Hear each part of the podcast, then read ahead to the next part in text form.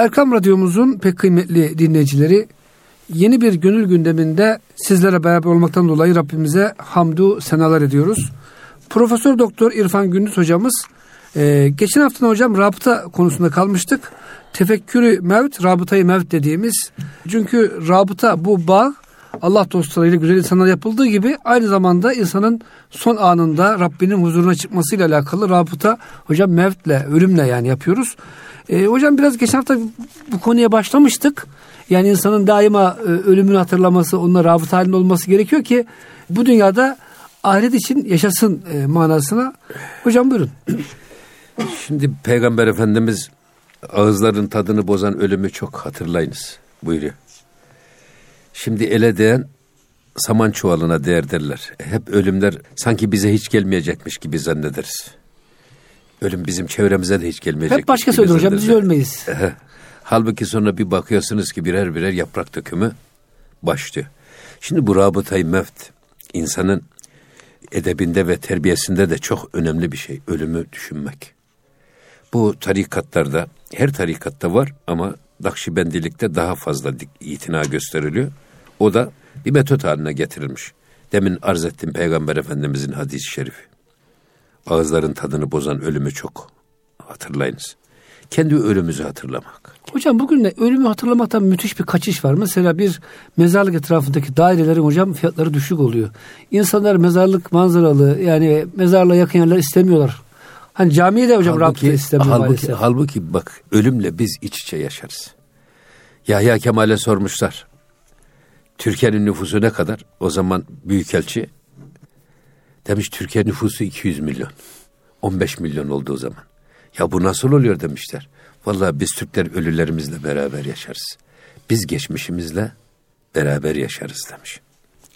Şimdi bizim Osmanlı şehirciliğinde şehrin ortasına mezar yeri yapılır. Hı hı. Adam çarşıya gidip eve gidip gelirken mezarın yanından geçer. Hem okur orada büyüklerine geçmişlerini hem de ölümünü hatırlar. Bir gün ben de bu toprağın altına gireceğim evet, değil mi hocam? Sonra e, camiler. Camilerde mutlaka hazire vardır caminin girişinde. Avluda değil. Caminin bir avlusu var, bahçesi. Ağaçlıklı güzel peyzajı yapılmış. Ama bir de tam camiye adımını atacağın zaman sağında ya da solunda bir mezar. Bu hiçlik mesajı veriyor bu. Hiçlik mesajı. Camiye girerken bak dikkat et sen de öleceksin ha. O duygularla camiye gir. Ölümü iliklerinde hissederek gir. Bu hayat, bu dünya fani. Şimdi bu bizim mezar taşlarımıza da yansımış. Bizim mezar taşlarımız bir gerçekten hem edebiyat harikası hem medeniyet harikası.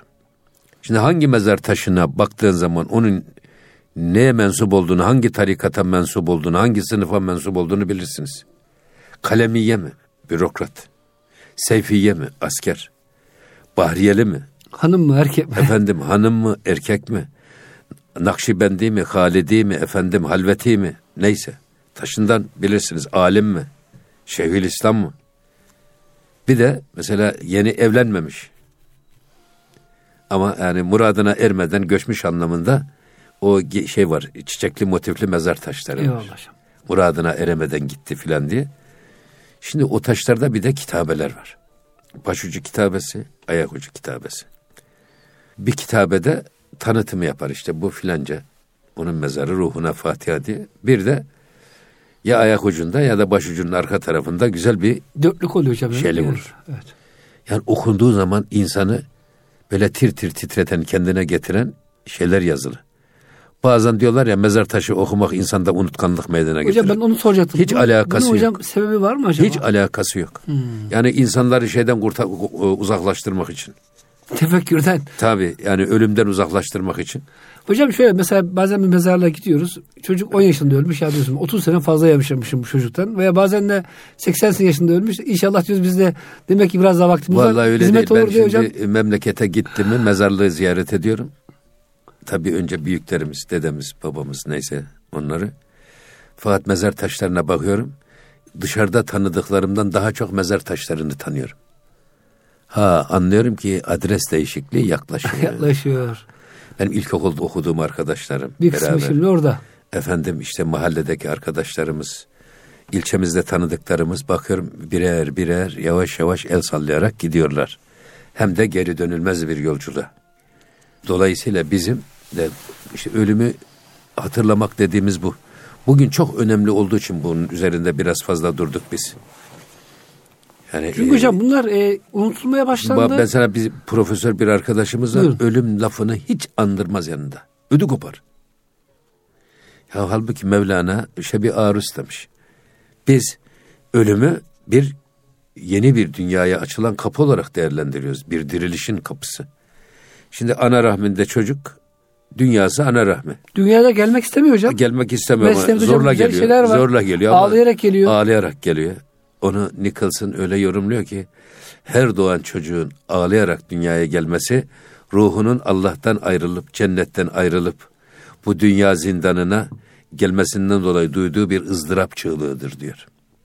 İslam peygamberi Muhammed diyor bunu her doğan çocuk İslam fıtratı üzerine doğar. Anne babası ve çevresini Yahudi, Hristiyan veya Mecusi yapar diyor. Bu ağıt onun ifadesidir diyor Nicholson. Bak Müslüman olmuş Nicholson.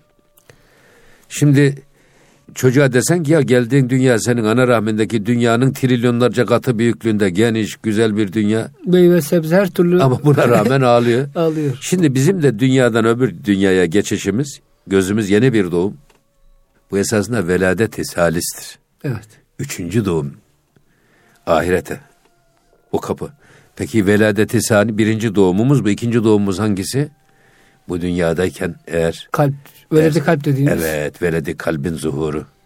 Kemali yakalamamız. Yani hocam kalpte doğuş mu oluyor? Veledi tabii, kalp dediğimiz e, tabii, kalp, manevi bir hayata mı başlamış oluyoruz? Tabii kalpte egemen olan meleki duygular. Biz de melekleşmiş oluyoruz.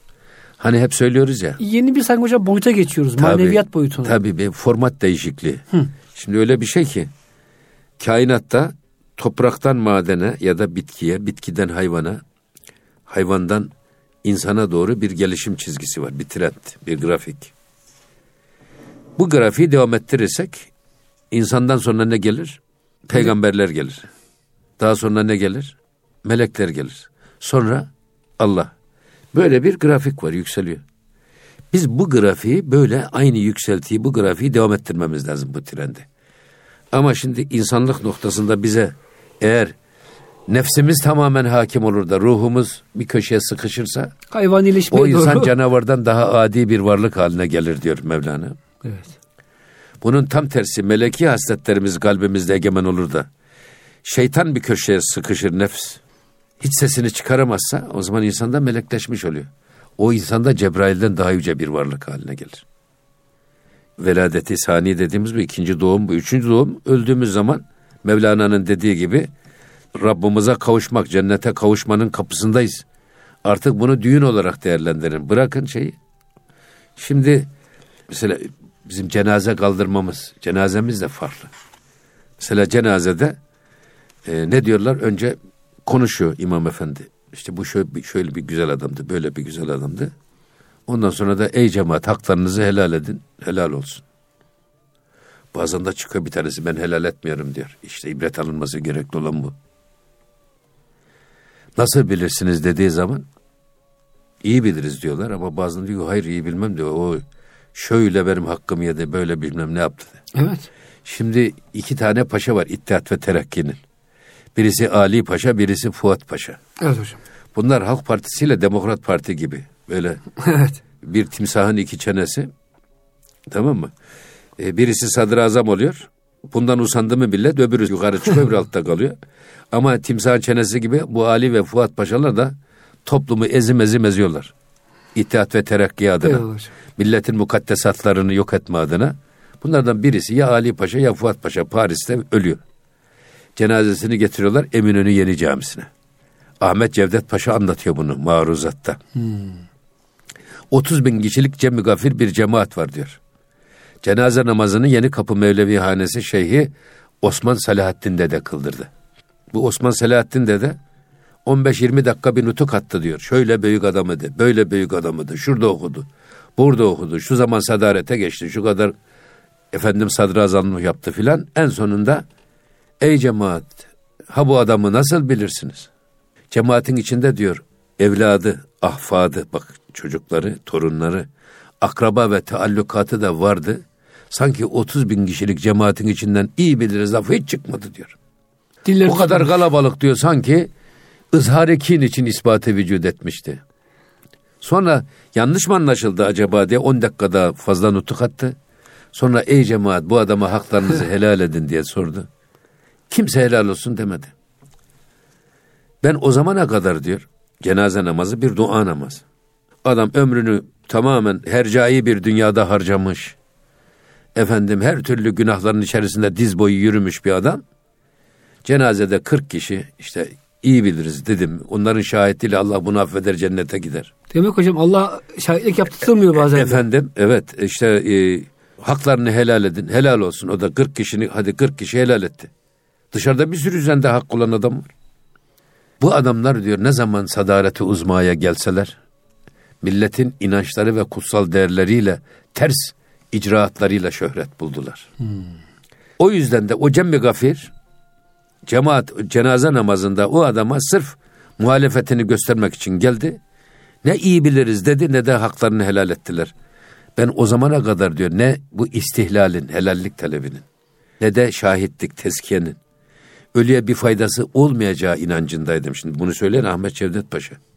Mecellenin evet. Komisyonunun başı ve hala da aşılmamış bir hukukçumuz. Eyvallah hocam. Ahmet Cevdet Paşa. O zaman anladım ki diyor bu tezkiye de istihlal de ölüler için değil diriler içinmiş. İbret hocam. Ben bundan ibret aldım. Bir daha diyor içinde yaşadığım toplumun kutsal değerleriyle asla ters düşmemeye özel gayret gösterdim. Namı Kemal diyor. Osmanlı'da bir adet var. Osmanlılarda. Üsküdar'a gelip memur oldunuz değil mi? Önce gidip güzel abdest alarak Hüdayi'ye gideceksiniz. Hazreti Hüdayi'de orada dua edeceksiniz. Onun elini öpeceksiniz. izin alıp ondan sonra gelip göreve başlayacaksınız. Sultanlar Eyüp Sultan'da kılıç kuşatılmadan ne saltanata getirip oturur ne de saltanatı geçerli olur. Ya Şeyhülislam ya Nakibül Eşraf ona kılıç kuşatır ya da şeyhi taklidi seyf Hocam Eşraf'ta da Seyit soyundan tabii, gelenler. Tabii, Peygamber Efendimiz bir sahabenin başı. Bir sahabenin kabrinde veya mescidinde bir e, Seyit Allah Resulü'nün soyundan gelen bir insan tarafından hocam kılıç kuşatılması da ayrı bir güzellik, tabii, ayrı bir rabıta. Tabii tabii yani ayrı bir şey. Ondan sonra Ankara'ya giderseniz eğer ki ben öyle yaptım Ankara'ya gittim. Hacı Bayram Hacı Bayram'a hocam. gittim. Eyvallah. Orada türbede ziyaret ettim. Yasin'imi okudum. Geldim Hacı Bayram'da namaz kıldım. Sonra görevimin başına gittim. Bu adeti haseneden Osmanlı'da adet. Namı Kemal de tutmuş gelip oluyor mutasarrıf olmuş, kaymakam olmuş. Sırf bu adete uymamak için gece gidiyor gelip oluyor. Hmm, Orada Ahmediye ve Muhammediye, Ahmet Eyvallah. Bican, Muhammed Bican Hazretleri var. Sırf bu adete uymamak için gece gidiyor. Ve sonra da diyor e, garip tecelli diyor Ahmet Cevdet Paşa. Namık Kemal'in ömrü hep zindanlarda geçti. Gecede yaşadı hep diyor. Karanlıkta Magosa'da diyor ve nihayet Malta zindanları sonra Magosa zindanlarında vefat ediyor. Ömrü karanlık içinde geçti diyor. Şimdi bu rabıtayı mevt meselesi çok önemli bir iş. Ben bir mezar taşı kitabesi okudum. Ki çok ben e, onları fişledim de yani beni etkileyen şeyleri. Mesela bir tanesi yazmış. Sanman kimde mi ahirde menzilim ziri türab ettim. Günahım çokluğundan yerlere geçtim, hicap ettim. Ya. Mezarı bir bu kadar güzel tasvir mümkün değil. Bir üstad yapmış bu işi. Necip Fazıl Allah rahmet eylesin. Bir de o mezar taşında gördüm. Sanman ki ömrümün sonunda yerimi, yurdumu, yuvamı böyle toprakların altında edindim. Günahımın çokluğundan Allah'ın huzuruna çıkamadım, yerlere geçtim. Utancımdan, Utancımdan yerin dibine geçtim diyor. Adam ürperiyor ya. ya. İşte bu rabıtay mevt önemli bir iş. Yani bizim giyimimiz, kuşamımız filan hep kefene benzetilerek hep yapılmış. Ki, Hocam şöyle bir şey var. Bugün biraz bu Müslümanların rabıtasını, ölüm rabıtasını hatırlatmasını da unutturup ölüm işte cenaze töreni diyorlar. Böyle değişik alkışlar, resimler, şunlar bunlar. Onu da bozmak için müthiş bir gayret yok mu? Aynı, aynı tabii, maalesef. tabii, tabii. Yani namaz kılınması. Alkışlar, çiçekler. Namaz efendim, kılınması, çiçekler e, olsun falan. Evet. Abuk subuk hocam böyle bir sürü gayri İslami. İşte elinden adam diyor ki bir gün mutlak öleceğim türkülerle gömün beni. türkülerle. Size veda edeceğim türkülerle gömün beni. Ya adam öldükten sonra lazım olacak şey lazım. Şimdi Türkü mü lazım ya? Alkış, çiçek, namaz kılmıyor. Kenarda bekliyorlar mesela alkış alkış. Hocam bir de Cem Bey'in sizin bir hatıranız vardı. Onunla bir alakalı. Ha şey. Cem Bey'in evet. Allah rahmet eylesin. Ya ben hocam. çok severim. Evet hocam. Onu Cem Karaca. hocam. Kendisi bir sanatçı ama Cem Karaca'yı sevgimiz nereden geliyor? 80 ihtilalinden sonra Evet hocam. bunları yurt dışına gönderdiler. Sonra rahmetli Özal bunları tekrar getirdi Türkiye'ye. evet hocam. O da e, İstanbul o zaman Yeşilköy Havalimanı'ydı adı. Oraya indiğinde önce indi yeri öptü. Secdeye kapandı. Sonra da sordular en fazla neyi özlediniz? Ezan sesini özledim dedi. Hocam orada bir imanı görüyorsunuz değil mi? Cem Sonra Karaca'da. onun kayınvalidesi bizim Üsküdar'daydı. Sık sık gelirdi kayınvalidesine. Bizim Hüdayi'den geçerken ben birkaç defa onu ya üstad gel burada bir e, tekke yemeği yiyelim diye yemeğe davet ettik. Sohbet, sohbet ederdik. Sonra 2002'de ben milletvekili oldum. AK Parti'nin kazanmasının sebebi nedir diye böyle bir program. Habertürk'te. O programın tam e, ara verdiler. Arada e, şey de var. Erkin Koray da var. Allah sağlık versin ona da. Sonra dedim ki ben ya Cem Bey dedim. Ben bu batı müziğinin hiçbir türlüsünü sevmem dedim. Ne klasik, ne hafif, ne ağır, ne caz. Çünkü hocam buradaki rabıta yani Ondan sonra- yabancılara rabıta. Ya- yalnız dedim burada dedim bu vadide milli bir damar yakalamış iki kişi var. Takdir ediyorum. Birisi sizsiniz dedim. Birisi de Barış Manço. İkisi de Allah rahmet eylesin. Allah rahmet eylesin hocam. Sonra ya dedim ki hiç Bektaşi nefesleri okudunuz mu dedim ben. Ya bu nefes diriltmek demek esas. Aldığımız nefesi veremesek ölürüz. Evet. Verdiğimizi alamasak ölürüz. Bektaşi deryahlarında, samah ayinlerinde, saz eşliğinde nefesler okunur. İnsanları irşad eden, dirilten, kendine getiren, aklını başına getiren, insanı yakazıya götüren şeyler. Hani diğer tarikatlarda ilahi diyorlar. Bektaşilerde de onun adı nefes. Hiç okudunuz mu? Ya benim babam Bektaşi'ydi ama hiç okumadım de hocam dedi ya. Haberi de. Nereden bulacağım dedi. Dedim Abdülbaki Gölpınarlı'nın dedim Bektaşi nefesleri var. Ben onu size göndereyim bir okuyun. Gönderdim. Aradan iki ay geçti aradı. Ya hocam senden Allah razı olsun dedi ya. Bizi dedi bir kültür emperyalizmi öyle ezmiş yok etmiş ki dedi. Bizi kimliğimizden geçmişimizden öyle koparmış ki. Cebimizin içindeki güneş hep bize dışarıda aratmışlar. Bundan sonra bütün dedi bestelerimi hep bu nefeslerden yapacağım. Hocam size de ithaf edeceğim dedi. Ya bana ne ithaf etme dedim. Siz o kulvarı geliştirin. Sonra da yani 3-4 ay geçmeden de vefat etti. Allah rahmet eylesin. En son bestesi ya Allah yar yar. O nefeslerden alınma bir bestedir. Sonra vefat etmiş. Çelenk, çiçek, alkış istemem. Beni tekbirlerle, salatü selamlarla defnedin. Esas hocam tabii bak şimdi ben sordum hocam hatıranızı. Yani Birisi beni türküyle kaldırın diyor. Evet. Ömür boyu türküyle meşgul başka bir sanatçı son anda hocam intibaha geliyor. O da beni Ya, ya. tekbirlerle kaldırın diyor hocam. Ee, böyle vasiyet ediyor hocam. Çok işte duygulandırıcı yani bir şey. insan istikbal hep göklerde değil, köklerde de istikbal var. Yani köklerden kopmamak lazım.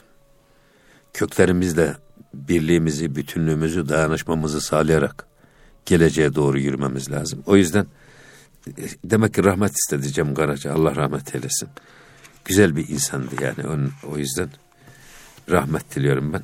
Hocam şimdi Rabıta-i Mevlid'i bayağı bir şeye getirmiş olduk. Böyle güzel örnekler de verdiniz hocam. Çok teşekkür ederiz. Evet. Canlı, kimisi türküyle gömülmek istiyor. Kimisi Evet. tekbirlerle. E, hocam Allahü Teala yani ölümü bu manada bize iyi bir hocam e, hoca nasihatçi eylesin de Ya İmam, de İmam-ı Azam'ın mezar taşında ne yazılı? Ya zairan bi kabri ve mütefekkiran bi emri. Emsi kuntu misluke gaden tasiru misli. Ey beni ziyaret eden. Aa, ey beni ziyaretin ve benim gibi düşünen adam. Hiç ölüm aklına getirmeyen adam. Bak dün ben senin gibiydim. Böyle başkalarının mezarını ziyaret ediyordum. Ama yarın sen de benim gibi olacaksın. Evet. Biz oraya gireceğiz. Başkaları Eyvallah. gelip ziyaret edecek. İbret al. Eyvallah. Hocam mesela ölüm yani hadiste geçiyor gerçi ama herkesin dikkatini çekmeyebiliyor. Sufiler hocam buradan rabıtayı mevti bir metot olarak koymuşlar ki ölümü düşünelim. Seyahat hocam bugün mesela pek herkes seyahat deyince aklına turizm geliyor. Gezelim tozalım bol bol resim çekelim hocam. Taşlar topraklar görelim. Hocam tasavvufta da bunun bir metot olarak önemli bir yeri var. Manevi kemalat için büyükleri ziyaret etmek, Allah dostlarını ziyaret etmek. Hocam bu konuda neler dersiniz? Tabi burada esasında seyahat edin, sıhhat bulasınız Peygamber Efendimiz. Safiru tasihhu diyor Allah Resulü. İkincisi Ahmet Yesevi Hazretleri 116 tane halife yetiştirmiş. 116 halifesine talimatine aman ha gurbete gidin. Aman ha gurbete gidin. Gurbete giden insan hem zengin olur hem de dini tarafı, dindarlığı çok güçlü olur. Öbür taraftan Bahattin Nakşibend bunu prensip haline getirmiş.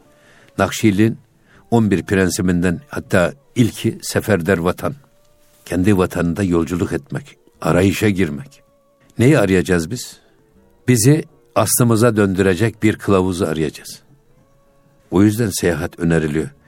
Hocam şimdi Ahmet Hazretleri'nin halifelerin bir kısmı Türkiye'ye gelmiş hatta Balkanlara kadar Ya bir- gelenleri hayır var. hayır Anadolu'yu, Anadolu'yu, Orta Doğu'yu İslamlaştıran liderler o hareketler. Evet. Ahmet Yesevi'nin halifeleri. Bizdeki tamamen şey İslami yaşantı diyelim, akaid. Hep o taraftan gelmiş. Mesela biz ne diyoruz? Maturidi mezhebindeniz. İmam Maturidi nereli? O taraflı. Evet. Dolayısıyla oradan hep beslenmişiz. Şimdi burada bu botanikte bile var. Siz gidiyorsunuz çarşıdan bir şey alıyorsunuz. Saksı. Bu bitki büyümüyor ama bunun büyümesi ne lazım? Toprağını değiştiriyorsunuz. Harekette bereket var. Şimdi bunun gibi mesela e, Peygamber Efendimiz bu seyahate niye önem veriyor? Hangi gerekçeyle? Yani sufilerde her işte hedef Allah'a vasıl olma. Allah'la beraber olma. Seyahatte de bunu gerçekleştirmeye çalışıyor. Ölümü düşünmede bunu gerçekleştirmeye çalışıyor. İş hayatında bunu gerçekleştirmeye çalışıyor. Çünkü esas siz nerede olursanız olun Allah bizimle beraber. Allah her şeyle beraber. Her yerde ve her zamanda Allah her şeyle beraber. Ama esas önemli olan biz onunla beraber miyiz, değil miyiz? İşte tasavvuf insanın 24 saatlik hayatının her diliminde onun Allah'la beraberliğini sağlamaya çalışan bir bakış açısı, bir metot geliştirmeye çalışmış. Seyahat de bunlardan bir tanesi. Peygamber Efendimiz buyuruyor sizden önceki peygamberler döneminde bir adam 99 kişi öldürmüştü. Sonra tevbe kapısı Aradı. aramaya başladı. Bana te, işte bu da seyahat. Dolaştı dolaştı bir Hristiyan rahibe geldiler. Adam dedi ki ya ben 99 kişi öldürdüm. Tevbem kabul olur mu? Olmaz deyince onu öldürmüş. Oldu yüz hocam. Etti yüz. Tekrar dolaşıyor. Nihayet Hanif dinine mensup bir alime rastlıyor. O diyor ki bak diyor tevbe etmek kuldan. Tevbenin edip edilmediğini bilmek bize ait bir yetki değil. Ama tevbeyi kabul etmek de Allah'tan. Senin yapacağın iş bu tevbeyin nasuh tevbe olması. Ne demek nasuh tevbe? Bir defa bir, o günah işlediğine derin bir pişmanlık duyacaksın. İki, bir daha işlemeyeceğine azmen, cezmen karar vereceksin ve bir daha o işi işlemeyeceksin. Öyle mi? Evet. Tevbe-i nasuh. O yüzden diyor sen diyor senin yaşadığın çevre kötü insanların yaşadığı bir çevredir. Seyahat et orayı terk et. Sen diyor orayı terk et. Orada yaşadığın sürece içinde o çevre seni hep kötülüğe yönlendirir. O yüzden diyor git filan yerde salih insanlar yaşıyor oraya göç. Adam da gidiyor o zamanın insanı berduş yatağı sırtında hani berduş biz.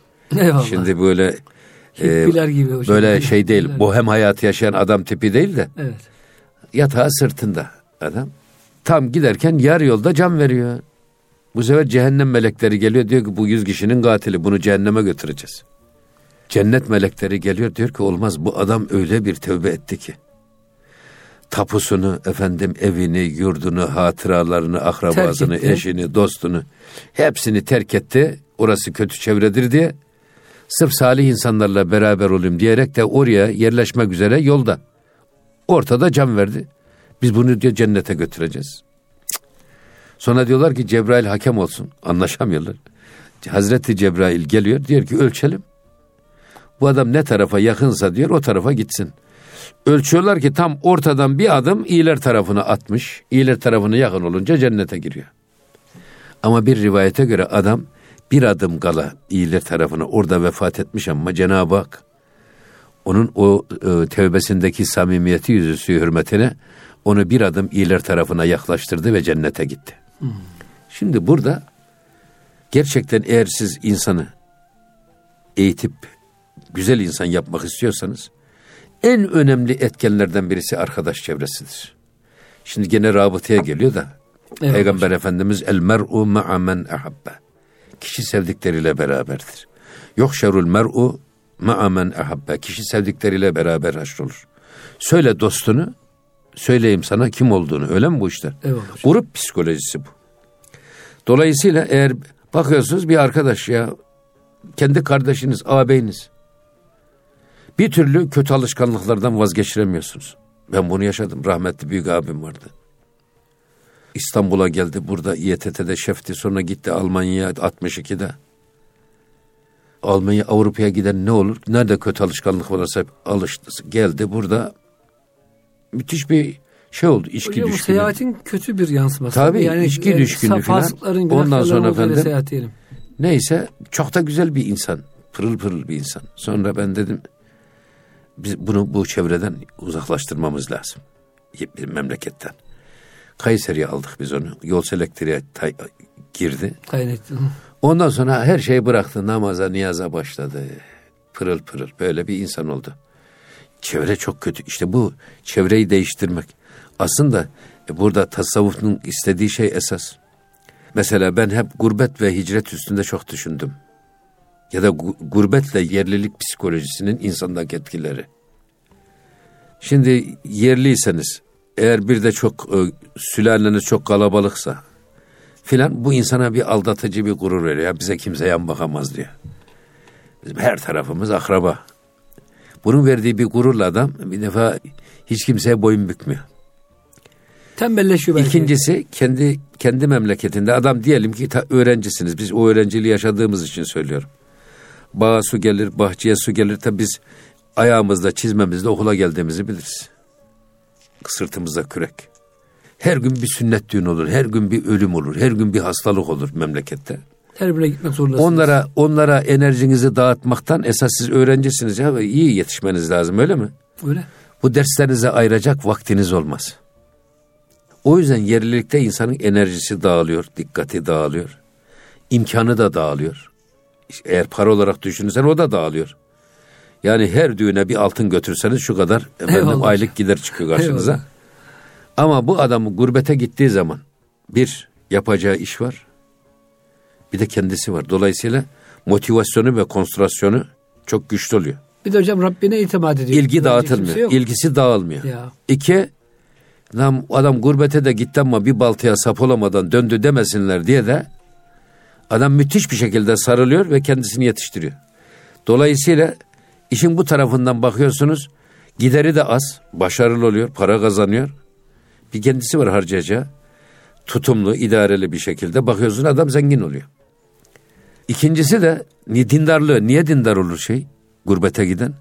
Ya gurbetin bir yalnızlığı var, bir boynu büküklüğü var. Orada da sığınacak bir dal lazım. Ya şurada birisi bize öfkelense kaçacak yerimiz yok. Tek başımızayız. Bizi tükrükle boğarlar orada. Eyvallah. Orada sığınacak bir dal, orada Allah'a sığınıyor. Orada da dindarlığı gelişiyor.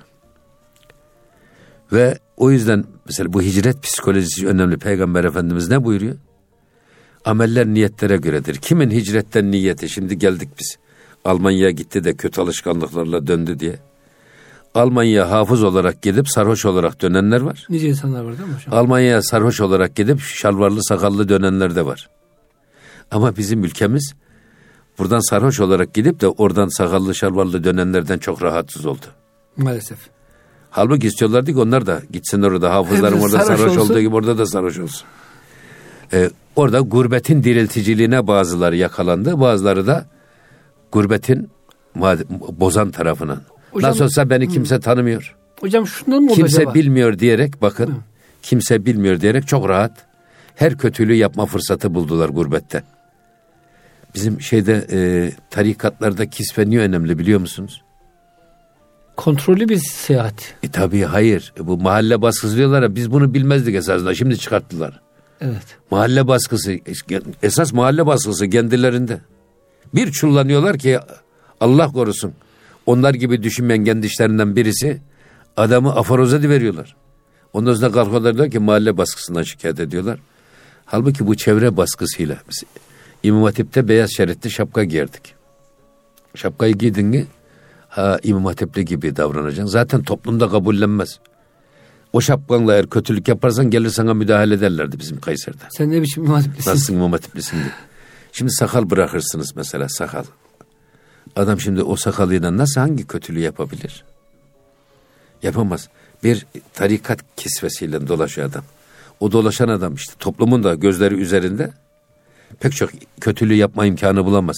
Şimdi biz seyahatin ya da gurbetin menfi tarafını göstermek için bunu söylüyoruz. Adam gidiyor gittiği zaman gurbete nasıl olsa beni kimse tanımıyor diyor. Kabak çiçeği gibi açılıveriyor Hocam bu adam. başı boş bir seyahat. Halbuki tasavvufta Tabii. kontrollü değil mi hocam işte? Abi, hayır şeyh arayış Tavsiye, için seyahat. arayış. Şeyh arayış, mürşid arayış için seyahat. Öyle para kazanmak için filan da değil. Beni adam edecek bir adam arıyorum ben. Adam gibi bir adam arıyorum, bir mürşid arıyorum. Bir kılavuz arıyorum, bir rehber arıyorum. Bunun için hedef orada belli. Öbürü rotasız gemi gibi. Nerede duracağı, nasıl duracağı, nerede kalacağı belli olmayan bir tip. Ama bizim hedefimiz bu. O yüzden o kiminin hicretten niyeti dünyalıksa onu elde eder diyor Peygamber Efendimiz. Zengin olur. Kimin hicretten niyeti eğer bir kadınsa onunla da nikahlanır. Kadının peşinden gidiyor adam. Nereye giderse gitsin. Ama kimin de hicretten niyeti Allah ve Resulünün rızası ise onu elde eder. Şimdi burada esas e, tasavvuf, tasavvufun özendirdiği ya da sufilerin özendirdiği şey esas bir mürşit arayışı için gerekirse diğer diğer dolaşmak. Aradığını buldu muydu da eteğine yapışıp orada kalarak kemali yakalamak. Eyvallah. Bu. Öbür taraftan mesela niye Peygamber Efendimiz hani biz yerlilik psikolojisi dedik ya. Niye Peygamber Efendimiz Mekke'de devleti kurmamış da gelmiş Medine'de kurmuş? Ben gurbetle hicret arasında da bir bağ kuruyorum. Şimdi Mekke'de Peygamber Efendimiz Müslüman olan sahabeyi nasıl amcasına, dayısına, yeğenine, teyzesinin çocuğuna, kuzenine nasıl savaşa götürecek? Nasıl onlara ölüm emri verecek? Ya da verse bu emrin ne kadarı tutulacak, ne kadarı tutulmayacak?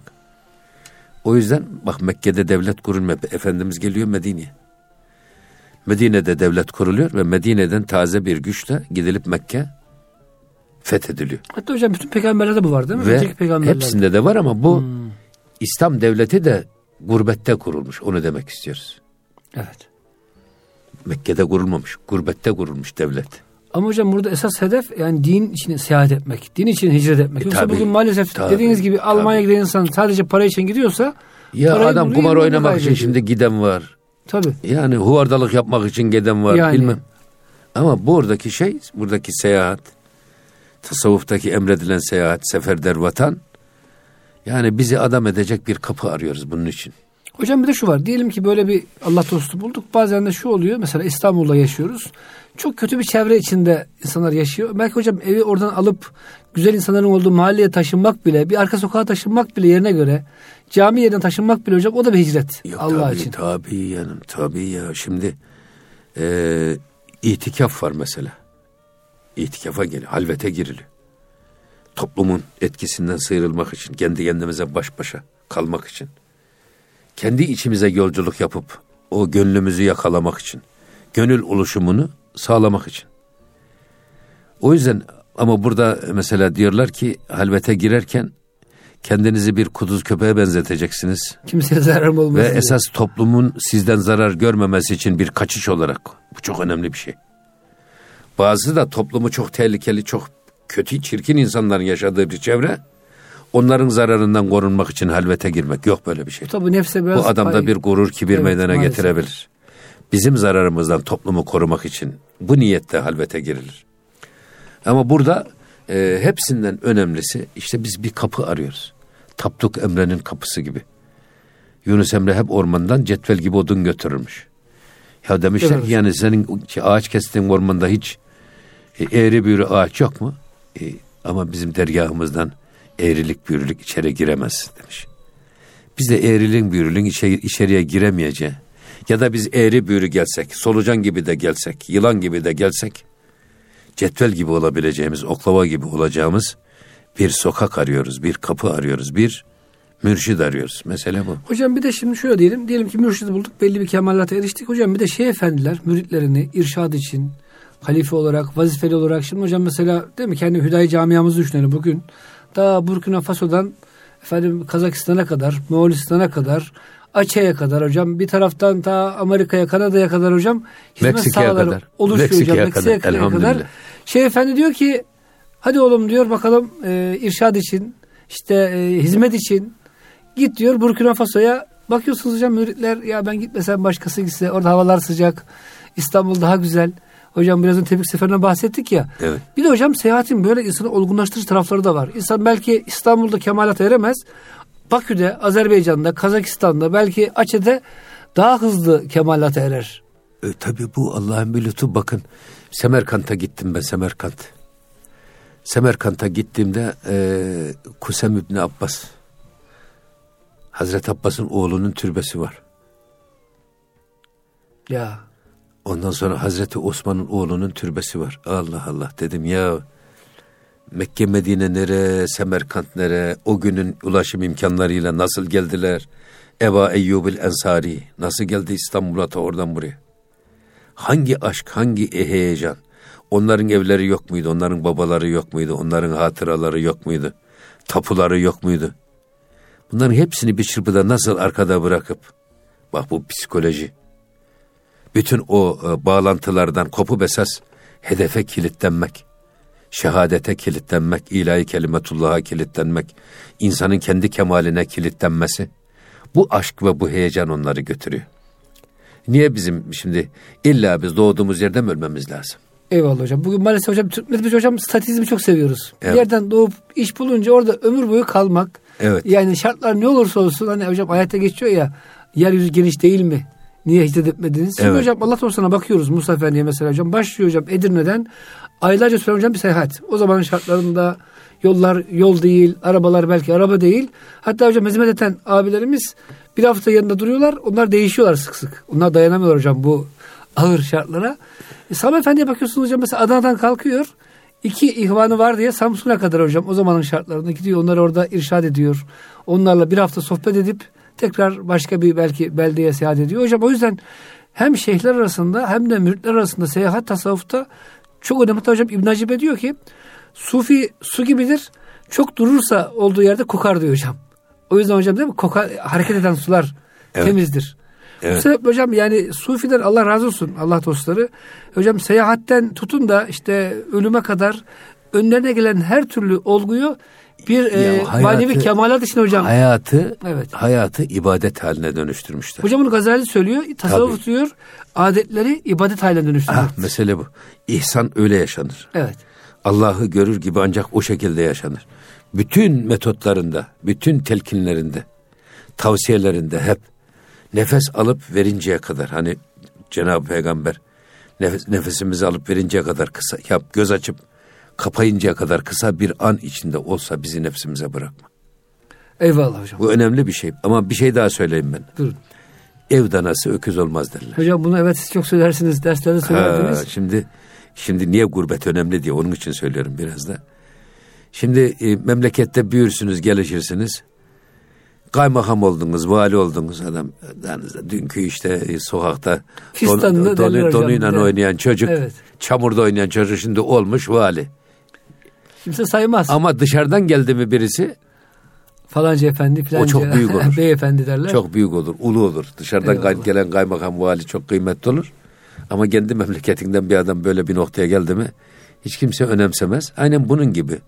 Gurbete gitmek aynı zamanda hem olgunlaştırır, hem dindarlaştırır, hem varlıklaştırır, hem de e, insan daha çabuk kemale kazanır. O zaman hocam kıymetli dinleyicilerimizle şunu paylaşalım. Eğer bir hak dostundan manevi bir seyahat e, hem maddi manevi seyahat emri gelirse hocam direnmemek lazım. İnsan yani bir türlü hocam çok statizmi çok seviyoruz. Bir yere bağlanınca ölelim torunlarımız orada ölsün gibi. Halbuki yeryüzü geniş bütün dünya hocam Müslümanlar için temiz bir ben, mescittir. E, rahmetli dedem evet benim icazetli Osmanlı müderrisiydi. Bana dedi ki aman oğlum dedi İstanbul'a git İstanbul'da oku. Ya. Balık gölde büyür dedi. Evet. Evet. Yani Cenab-ı Hakk'a binlerce şükür biz de buraya geldik. Cenab-ı Hak hep bizi e, kamil insanlarla hemhal etti. O çevrelerde hep bulundurdu. Eğer bulunmasaydık belki de çok e, bir eşkıya bir adam olurduk. Hocam şimdi bir güzel e, şey var. Şeyh Efendi iki müridini göndermiş başka bir şehre seyahat etsinler diye. Gelince sormuş nasıl oğlum demiş o şehirlerin. Bir tanesi hocam e, sizin gibi herhalde gitmiş e, güzel insanları bulmuş. Efendim demiş her taraf mescit. Her taraf tekke. Herkes mescitler herkes tekkelerde. Diğer demiş yok ya şeyhim demiş öyle değil. Herkes demiş meyhanelerde. Herkes eğlencede. Şimdi hocam tabii seyahat ettiğiniz zaman e, iyileri hedeflerseniz iyileri buluyorsunuz. Diyerek hocam e, son hocam sözünüz varsa alayım yoksa programın sonuna geldik. Tabii bana sorarlardı şey, arkadaşlar. Eyvallah hocam. Biz hep genç yaşta gençliğimizde de tasavvufla iştigal Evet hocam. ettiğimiz için. Ya hocam siz nasıl bir e, tasavvuf hocasınız? Nasıl bir dervişsiniz diye ben öyle derdim. Bir adam iki niyette derviş olur. Bir eşkıya olmamak için, bir evliya olmak için. Biz evliya olamayız ama yalnız eşkıya olmazsak eğer mesafeyi kat etmiş ve başarıyı yakalamış oluruz. Hocam o da çok büyük başarı. Eşkıya almazsak inşallah Allah da evliyalık kapısını açar diyerek hocam bu programı bitiriyoruz. Muhterem dinleyicilerimiz biz ayrılan sürenin sonuna geldik. Önümüzdeki hafta başka bir gönül gündeminde yeni bir konuyla buluşmak üzere hepinizi Rabbimizin affına merhametine emanet ediyoruz. Hoşçakalın efendim.